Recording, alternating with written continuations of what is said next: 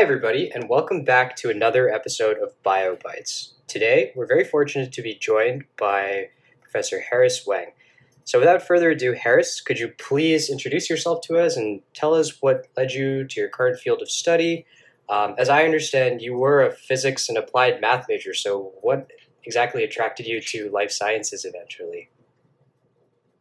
Yeah, thanks so much for um, the opportunity to chat with you. Yeah, um, I'm an associate professor in the systems biology department at, at Columbia Medical Center, uh, Irving Institute Medical Center, and um, and uh, you know I, have been at Columbia for about eight years. Um, I was trained. Uh, I did my undergraduate in, in math and physics, um, and then my PhD in, in, biophysics. But I actually worked on mostly synthetic biology, and uh, was uh, did my uh, studies with George Church at, at Harvard Medical School um, where we are, um, you know, we're focused on developing technologies for uh, genome engineering and, and recoding uh, entire genomes um, uh, using uh, E. coli as kind of the, the basis for that. And so, um, you know, when I moved to Columbia, I, I started to think more about what types of things that we might want to embark on and, and really focus on uh, kind of the microbiome as a next generation target for um,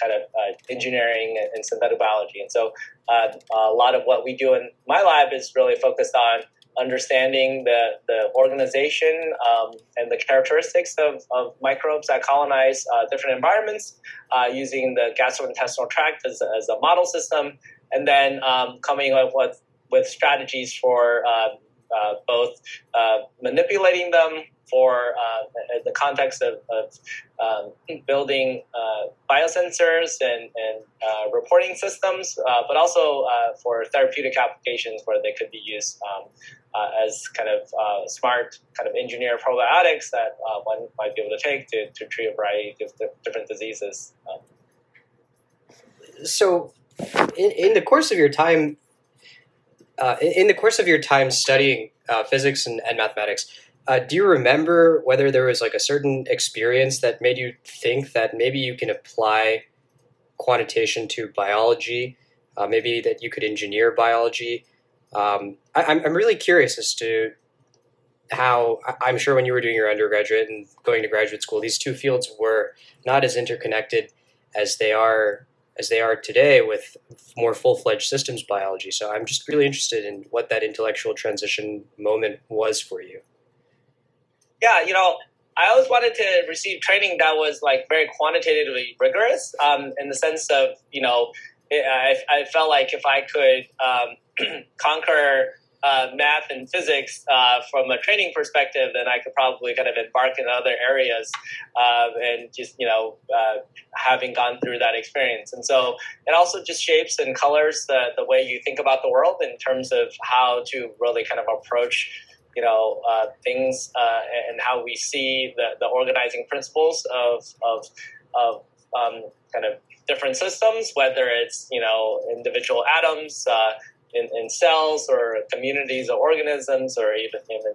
even ecosystems. And so um, I, I, think the mathematical frameworks for, for describing that, at least understanding how to really approach that and, and be able to digest those, uh, and, and, combined with kind of the understanding some of the physical principles associated with how to study those, it, it, you know, I, for me, it was always um, an attractive option. Um, and you know, I, I, was always very excited and very interested from a very early age uh, in understanding kind of complexity, right? Like what is the or what are the organizing principles that allow simple systems um, to be able to emerge uh, uh, into very complex, um, very dynamic, nonlinear, um, asynchronous. Uh, you know processes that you know basically surrounds us and, and so um, you know, biology is really one such system that is both super complex but also super robust. And so, um, just through the process of, of having a single cell divide and, and, grow into an entire organism is kind of amazing. And so,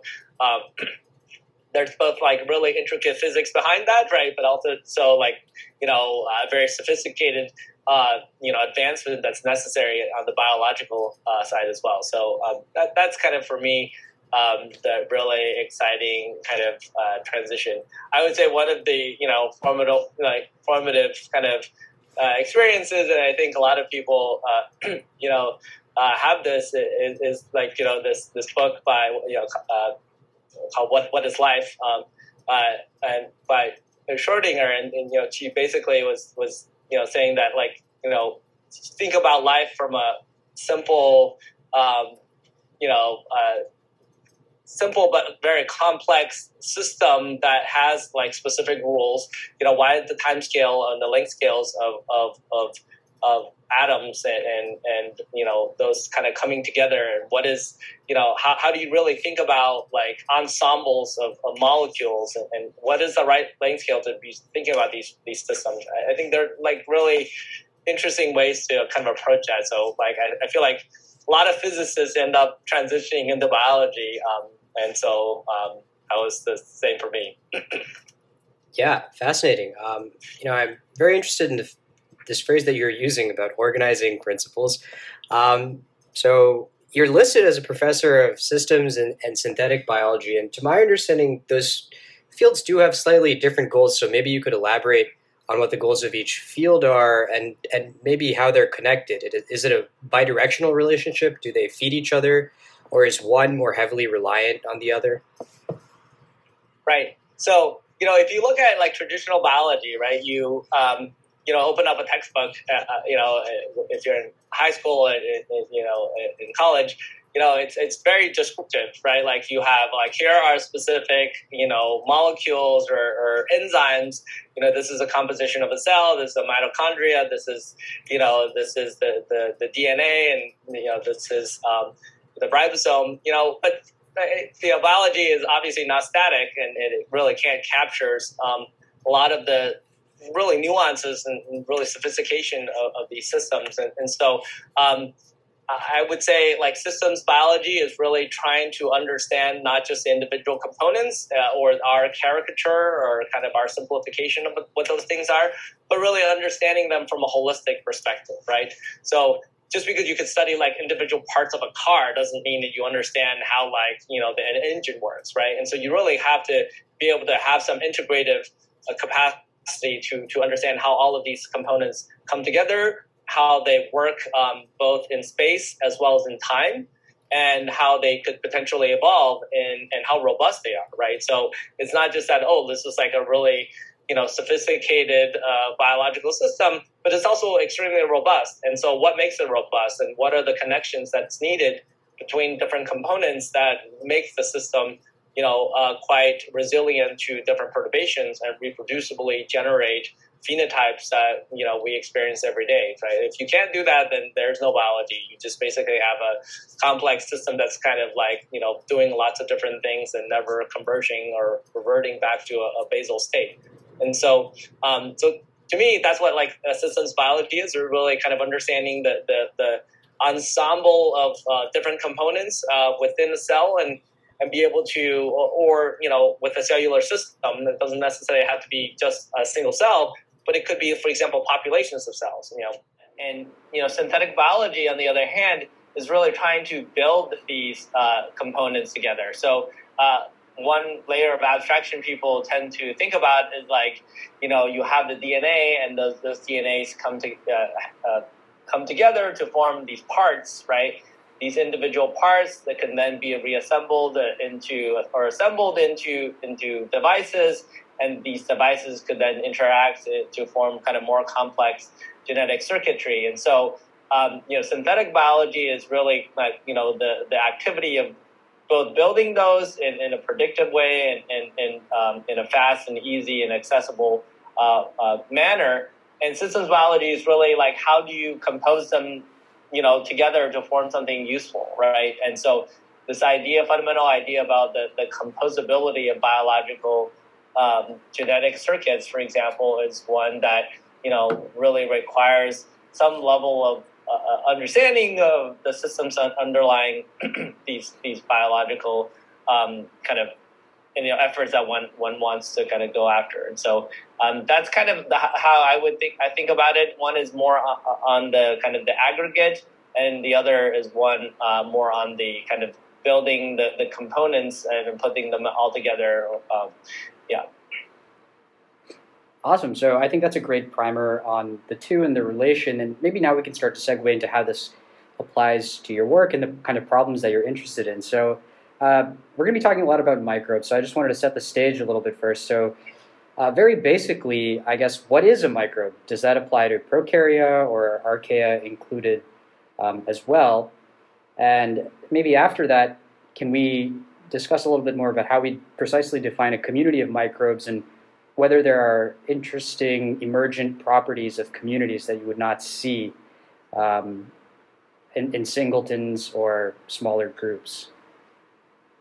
Right. Yeah. So so microbes are referred generally. You know, it's a to some extent it's a somewhat of a nebulous term. It's microorganisms, um, and uh, they, you know, at least from our perspective, uh, you know, these are organisms that are kind of microscopic, usually on the micron scale, um, and um, you know, they could be both, uh, you know, traditionally kind of bacteria uh, or prokaryotic, you know, but mostly bacteria, or they could be kind of more complicated, you know, organisms or ones that have uh, have a little bit more sophistication, things like fungi uh, or yeast. Um, you know, they're all considered microbes to some extent.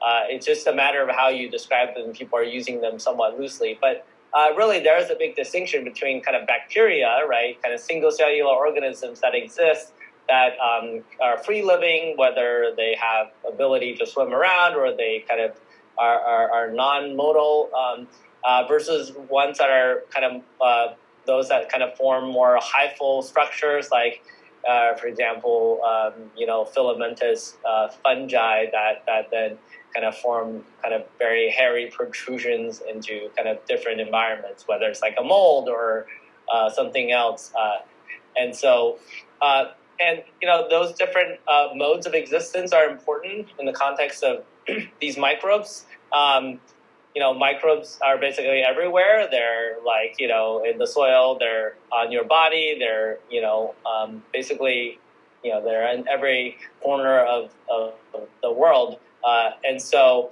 uh, but oftentimes and, and generally, they're they're also kind of existing not just as a single you know uniform set of organisms of, of, a, of a same genetic identity, but actually a very complex community of different uh, or, uh, microbes. And so uh, we generally refer to them, you know, uh, through different kind of taxonomic considerations, whether you know at the species level or down at the strain level.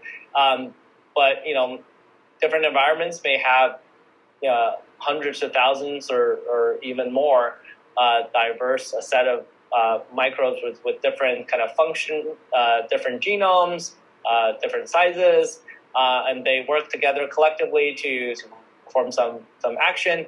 Um, and whether it's you know biotransformation of uh, nutrients in, in, in, the soil, um, or you know converting what you eat in, in your gut, uh, uh, you know, through your diet into kind of products that both benefit themselves as well as their host.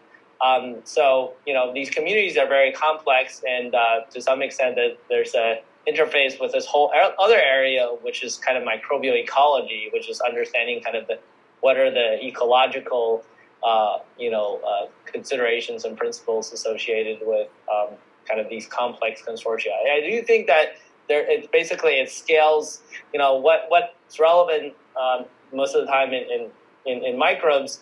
Uh, uh, in terms of communities, are, are going to also scale in, in, populations of you know people and things of that sort, right? And so this ecological component is also really important. And so, are the properties that we see, whether it's like nutrient absorption or anything else, um, is that is that simply like uh, some kind of is it is it just a one to one aggregate of the number of microbes and their heterogeneity, or is there like a is there a unique emergence to this that, that you wouldn't see that you need a very particular composition to see? That you for example you couldn't just put like 10 million E. coli together and, and see a certain effect. Um, rather that effect that we're talking about is, is more emergent from having you know various strains. Right I mean, that's a that's a kind of a generally debated area in terms of like ecology, right?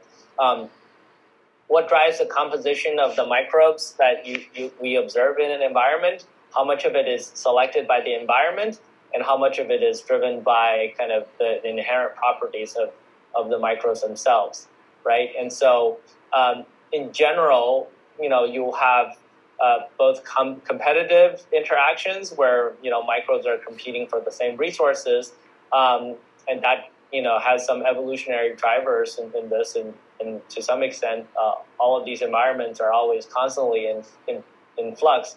There's very few environments that are kind of uh, you know they, they that rarely change. So they always kind of have some seasonality or temporal component to it, in addition to spatial um, variation. Uh, and, and uh, so you know these microbes also not uniform, right? Not all the same.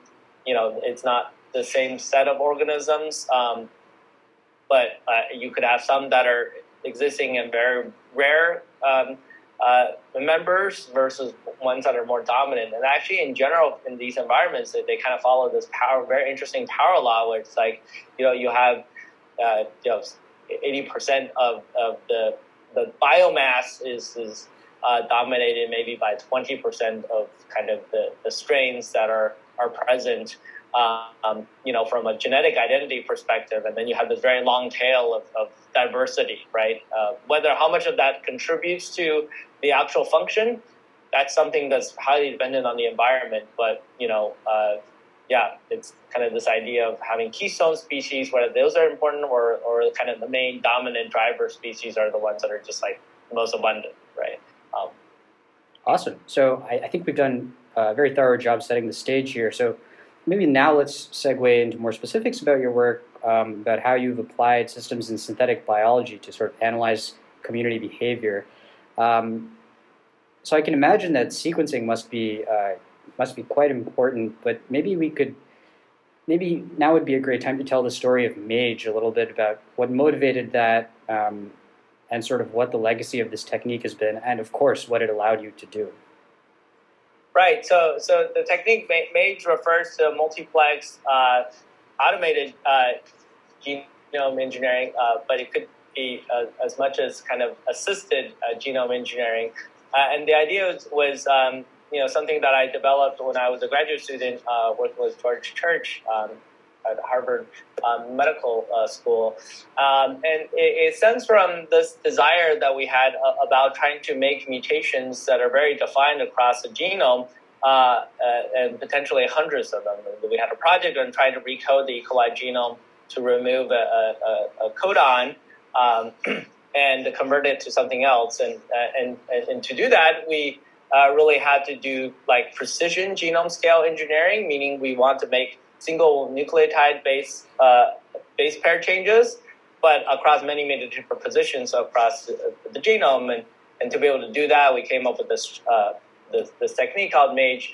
And what it is essentially, it's uh, it, you know you're delivering oligonucleotides, which are you know um, uh, um, kind of uh, uh, primers, basically that are you know about 90 base pairs. They encode specific mutations that could get uh, uh, that that are, are the ones that uh, you want to introduce into the cells. And because um, they, are flanked by kind of regions that are very similar or exactly identical to the regions uh, uh on the genome, you can by homologous pairing, you can uh, basically uh, you know get the cells to incorporate these oligos directly into the genome as the cells are replicating and and uh, and this is being uh, was assisted with, with some phage proteins that, that help with this. And we call this uh, kind of uh, oligo mediated kind of recombinering or uh, allelic replacement. And so, with that technique, we were able to kind of do this very precise, precise genome scale um, kind of engineering. And people since then, people have kind of utilized it in a variety of different contexts. And actually, for for us, as a kind of a jumping point, we thought like, what are the ways that we could start thinking about uh, engineering not just of individual strains, but you know communities or organisms, which is kind of like the basis of uh, uh, a lot of projects that uh, we did in, in my lab um, at Columbia. So, what allows you to precisely engineer a community? Because based on the high level overview that you've given, it seems sort of like a spatially stochastic technique. So, uh, how do you tune it such that you can get certain members to ex- to express certain genes and recombine in specific ways. Right. So, so the strategy that, that we're kind of pursuing is one where, uh, that leverages some natural features that exist in, in environments, which is that DNA could be shuttled around between organisms, right? Uh, when they can kind of share between organisms, you could potentially add in your synthetic piece of DNA with your, you know, uh, with a genetic payload of some sort. Let's say that you're interested in uh, expressing a, a, novel enzyme that doesn't normally exist in in some uh, uh, in, in, that uh, in a particular strain within the environment in that consortia, um, maybe at a particular location, and so you know, so so the question is like, how do you get this payload into uh, a, a, you know the, the, community, and how do you get it into maybe a specific member within the community? So to be more more precise, if you wanted to just get it into the community overall, you could just kind of you know uh, that that's a less specific uh, you know strategy, but it's still you're still augmenting the function of the community to some extent, and so let, us say like you wanted to make it uh, so that it produces a fluorescent protein, just you know as, as a reporter, um, you know something like that. You could uh, basically leverage this idea, uh, this this this general kind of capacity of microbes to exchange DNA. Um, uh, for example, through uh, this process called conjugation, where uh, essentially microbes could kind of take a DNA from from a donor strain and then kind of uh, shuttle that to a recipient strain through this pilus, which is this kind of bridge that, that the bacteria can build, and then they can funnel the, kind of the DNA from the donor into the recipient. And so um, this is a very uh, kind of generalized strategy. It's actually a, major mechanism by which, for example, antibiotic resistance genes are shared between microbes. And so this kind of exists all the time. It's almost like the, the bacterial way of like you know having sex, right? Like, um, and so and, so using this strategy, you can now start to be able to propagate DNA across like many different organisms, right? And, and so, you know, we think this is a good way to deliver DNA into kind of members uh, within the community. And then the second part of this is actually maybe you actually want to get it to, to a very precise organism and a precise location on their genome so that it'll be very stable. And we do that um, with, um, you know, a variety of different strategies, including uh, using kind of integrases or transposases that uh, uh, might be sequence specific that could then take, you know, you can pre-program them to say, recognize this particular landing, landing site and then drop your genetic pay- payload into that. And of course, certain genomes are going to have those sequences and other genomes are not, not going to have them. And so that uh, confers the specificity that you want so that it only drops into the very specific location within an organism. Um, and if it's not dropped in there within some period of time, those things kind of get naturally um, kind of washed out from the population, and so um, you can get get very specific delivery there. Awesome. Yeah, you mentioned that MAGE kind of stemmed from the motivation to introduce specific uh, changes within the E. coli genome, um, and so I wanted to get a little bit deeper into engineering uh, the genomes of, of bacteria, specifically through the lens of you know conjugated uh, genome assembly, so CAGE. Um, so I wanted to I wanted to ask you why, in your view, is it is it important to construct organisms with minimal genomes and to discover a, a minimal genome? Um, and I know you're also doing some work on synthetic alternative genetic codes as well, and I just wanted to I was curious about the utility of that. So maybe in answering this question, you could introduce what CAGE was and where that motivation for that came from and, and then maybe get to this this other question about the utility of minimal genomes and why it's important to understand them and alternative genetic codes somewhere along the way there. Sure. Yeah. So uh, when when you can make lots of changes across the genome, uh, you're still limited to some extent by kind of your throughput, right? So if you are able to maybe do parallelization of this process, um, let's say you have a genome and you can kind of make changes to, you know, uh, uh uh, 10 fragments at a time, you can maybe do those in parallel and then you can kind of put them all together. And so that's actually what CAGE allows you to do is you could segment the genome into different parts um, and then you can focus your you know engineering on those specific regions and then you can then combine them together through this bacterial conjugation system where they can mobilize large uh, parts of their genome and then have those get swapped out and, and recombined so that um, they can essentially uh, you can you can build things in pieces and then put stitch them all together. So that's kind of what you know that technology allows you to do combined with Mage. That kind of um, gives you the, the the, the combined opportunity to, to do genome scale um, engineering uh, in a parallelized ma- manner. Um, and you know all of this is really kind of focused around like could we ultimately change some fundamental aspects about the biology of the organism um, and I think you know one general question was to also test like the our the what we think we understand about um, microbes and or biology in general. We we think we have a pretty good understanding of the genetic code. Um, that you have 64 codons that encode for 20 amino acids plus a stop codon. Um, the start codon generally starts with the ATG. You could have some alternative um, start codons. Uh, and then there's some stop codons that that uh, terminate the protein, uh, uh you know, during uh, protein synthesis, and and so there was a general question of like, could you build alternative genetic codes, or can you make changes to it uh, that would lead to very, you know, an altered codon table, right?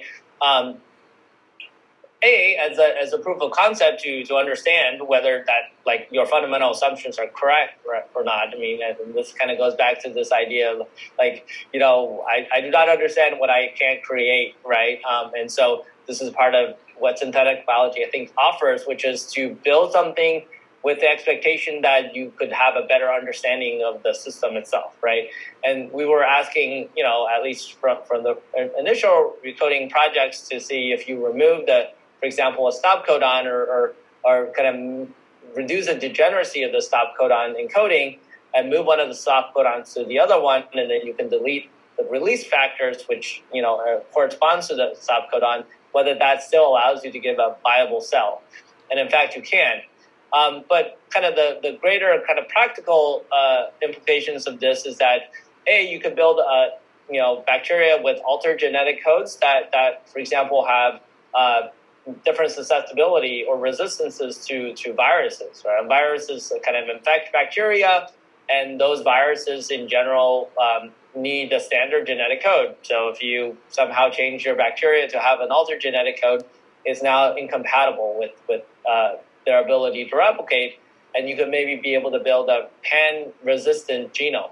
And you might, you know, this is really interesting for, for uh, bacteria because, you know, for, for manufacturing of different um, you know products. Um, people are growing these in, in you know million liter uh, fermentation reactors, right? If you have a viral contamination, that actually leads to you know a significant loss um, in terms of productivity and yield of, of, the product that you're trying to make. Um, you can kind of envision where this might be going in, in, uh, in other contexts. You know, um, this is just bacteria, but maybe you could do this in, in a mammalian cell, right? So, uh, for example, a lot of drugs like biologics are made in, in, in mammalian cells, right? And um, those are also subjected to you know potential contamination, and you would definitely not want to have your biologics be infected with the virus that then end up you know uh, contaminating your, your, your drugs that you're taking. And then certainly this both is, is from a safety perspective, but also from an economic kind of you know productivity perspective. And so if you could imagine you know recoding mammalian cell lines doing using same type of strategy, you might be able to uh, build kind of the next generation of uh, bio, biomanufacturing platforms where um, those are much more resilient to uh, kind of uh, kind of contamination, and uh, you can build better kind of safety checks. So uh, there, there's a few different kind of opportunities from from that end. And I would go back to, to the other, which is, you know, in addition to um, uh, both kind of being getting the DNA, you know, foreign viruses to come in and, and kind of infect your your recoded organism. It could also serve as the reverse, which is that now you can get the uh, uh, those organisms to become, you know, essentially uh, build a, a, a biocontainment or safety valve so that they don't kind of escape into the environment. And for example, you can, you know, now charge the or take the the, the you know uh, codon that normally uh, that you have freed up and, and force the cells to be kind of addicted to some essential metabolite that you give it. And as a result, um, those organisms can kind of escape into the environment, right? And so, um, and also like whatever DNA that you engineer into that organism, when you shuttle it to another organism, uh, uh, those aren't functional because they're actually using fundamentally different kind of genetic codes. Awesome. So yeah, so I think we've motivated the discussion and, and clarified why we would want to edit specific organisms and communities. But maybe now, could you touch on why you're you have your ongoing efforts in spatial metagenomics and understanding the spatial dynamics of these communities? Um, what information does that offer us that we would not be able to get from current, um, maybe spatially lower resolution techniques? Right. Yeah. So you know, microbes are great, right? They're they're everywhere, and they they have uh, diverse functions that are really important in, the different ecological uh, settings. Um, you know, unfortunately, they're just very small, and so, and they all look very similar. You know, even though you look at them, you know, maybe some of them are rod shapes and some of them are, are spheres and, and whatnot. But um, for the most part, it's actually very hard to tell um, what what they are and who's who's where, right? And so this idea of we can through sequencing we we are very good at uh, getting compositional information. So we could say like, okay, here's a list of all the microbes that exist in this environment, and here's their relative abundance, right? Or even their absolute abundance. Um, but you don't really have any idea of like what their micron scale, like you know, physical assortment looks like. Who's actually sitting next to what? Uh, it could be that they're they're completely randomly, evenly distributed in an environment, but that's really unlikely. But more more likely, it's that they're they're spatially co-localized into you know these functional guilds or you know uh, groups that that actually together work together in, in some very important way, right? And so that's actually really key to understanding both their function and understanding kind of how they evolve and their stability we kind of assume that these microbes exist kind of, you know, in, in these settings. We actually don't have a good, um, you know, tool for that. And so we've been kind of developing technologies in, in spatial kind of metagenomics to, to ask the question of like what microbes are next to what other microbes and um, how does that tell us about the, the function of uh, them uh, relative to one another as part of the kind of the community. Could you elaborate on some of the challenges and how you overcame them, or is most of this in development right now? Yeah, so so we uh, we recently developed this technology called MaPS-seq, uh, which uh, um, leverages the, the sequencing capacity of next generation uh, sequencing, um, but uh, allows us to get kind of spatial uh, co-localization information with microbes. And and what this technique is is uh, it kind of borrows from the, the field of macroecology, where, like, let's say you're in a you're you're you're, going to study a forest, right? Um, and you want to understand what are all the different species that are distributed across this forest. You obviously don't have the the physical bandwidth to be able to go count every single tree and shrub and you know rabbit that's in that environment. Um, so what you do is you go wall, wall off a particular plot, these, plots, and, and you count everything that's in this plot. Uh, whether you know what, what species are there, um, you know what the diversity of, of, different species within this plot, and then you do this across many many different plots, and then you actually get this uh, uh, statistical reconstruction of, of what the, you know if you get enough plots it's called plot sampling you get some information about what's going on in this environment by having sampled enough of these little microcosms.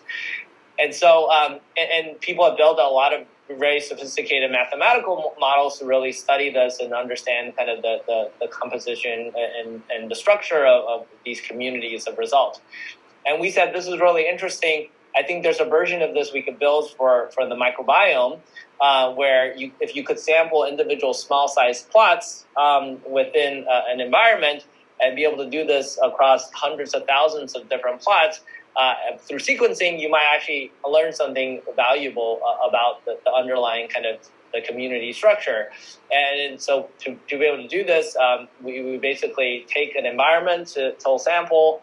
We can perfuse it with a fixative that kind of fixes the, the natural uh, organizing kind of uh, structure uh, which otherwise is, is actually just blended up in a blender, like yeah, in, in, normal sequencing. So you lose all that spatial information. Here, we're, we're fixing that spatial information and we're kind of breaking them into very small size clusters that contain kind of localized, you know, uh, microcosms, and then we can uh, apply that through a sequencing method um, that that gives us kind of this, you know, these clusters of, of, of, of cells, and this is how we kind of essentially uh, map out um, these spatial um, interactions.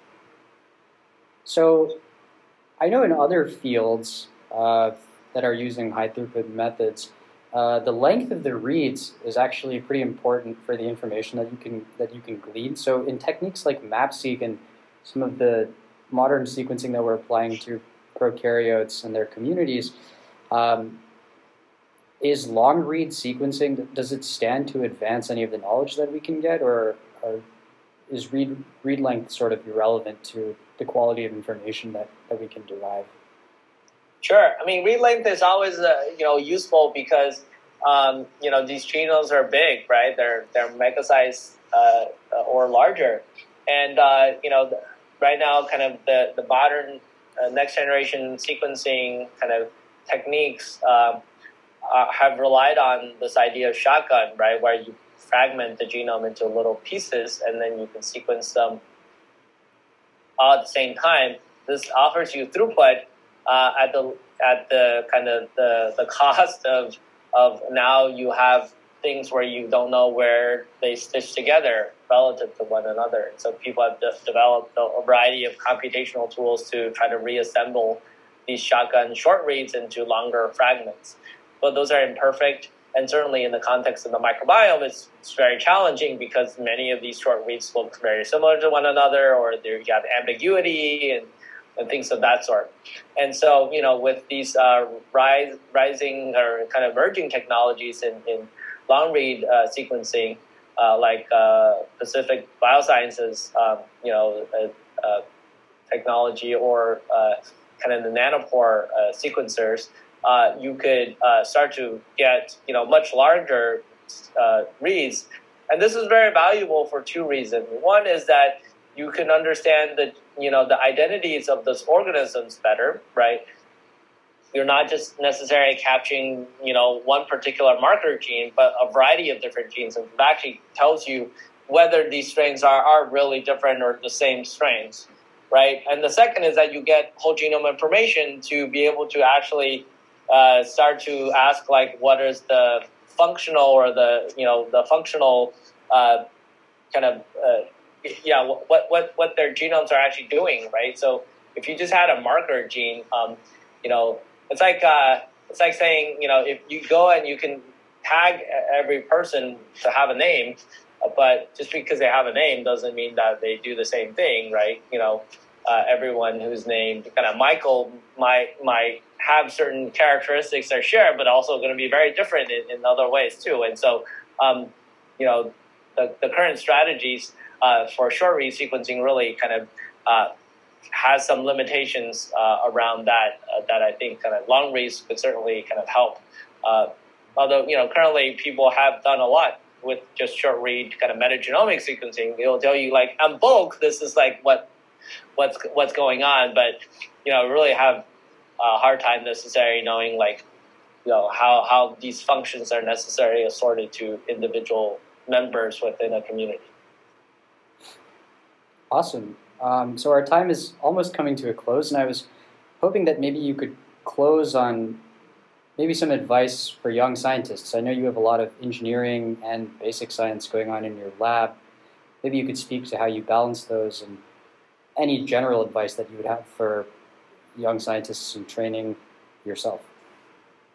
Yeah, that's a great question. I think, you know, uh, certainly I would say having a very strong foundational quantitative basis is a really key component to understanding kind of, especially if one's interested in, in you know, understanding biology, uh, because I, I think that the, you know, I think historically biology is a lot of have been very descriptive in terms of you know um, you know taxonomy or, or or kind of you know very macroscopic things, or even kind of how we describe you know the molecular composition. It's like oh here's a list of proteins and here's some cartoon structures of this, but really kind of the, the you know a cell or communities of cells or you know or the brain, you know it's it's a dynamic system, and so it really requires us to understand and to think about these in, in a much more kind of quantitative uh, fashion that uh, I think, you know, uh, disciplines that, that, you know, have uh, tried to kind of address those, like, like in, you know, just in math and in, in, in physics, that has actually, you know, been beneficial to me. And so I would say that people should, you know, uh, try to kind of think more quantitatively in general. Um, and, and I think that's a good framework for thinking about um, kind of uh, biology because it's not just about single proteins. It's not about a single enzyme uh, or single cell, but how those collections uh, uh, really kind of come together and what are the you know emergent principles uh, that come from that. I, I think the second thing I would suggest is you know people really need to have a good basis for for you know programming and computation uh, computational kind of you know biology, but computational kind of just learning how to do programming because that's such a big part of you know biology now is that you know there's so much more data that has you know people have been generated through all these high throughput methodologies. And so um, you know as a as a young trainee I would I would definitely suggest people to you know take their computer science courses know how to program. Um, that's that's like an essential language almost in science now, and so um, that's something that um, it's easy to pick up, easier to pick up, and the and the you know learning phases of that, um, and you know you get a lot of experience over time, and so. Uh, you kind of need a bunch of iterations of that. So the, the sooner you know how to do that, the better it's going to be. And I would just say, you know, from a larger perspective, I would say to you, people should just stay, always stay really curious about their world and, and really be very uh, thoughtful about how they think about you know their their mental picture of how the world works, right? And be able to constantly question and challenge that and refine that, right? And oftentimes that means like maybe going out and explaining something to someone else, and, and you will realize, oh, actually, like this part of you know doesn't maybe make sense.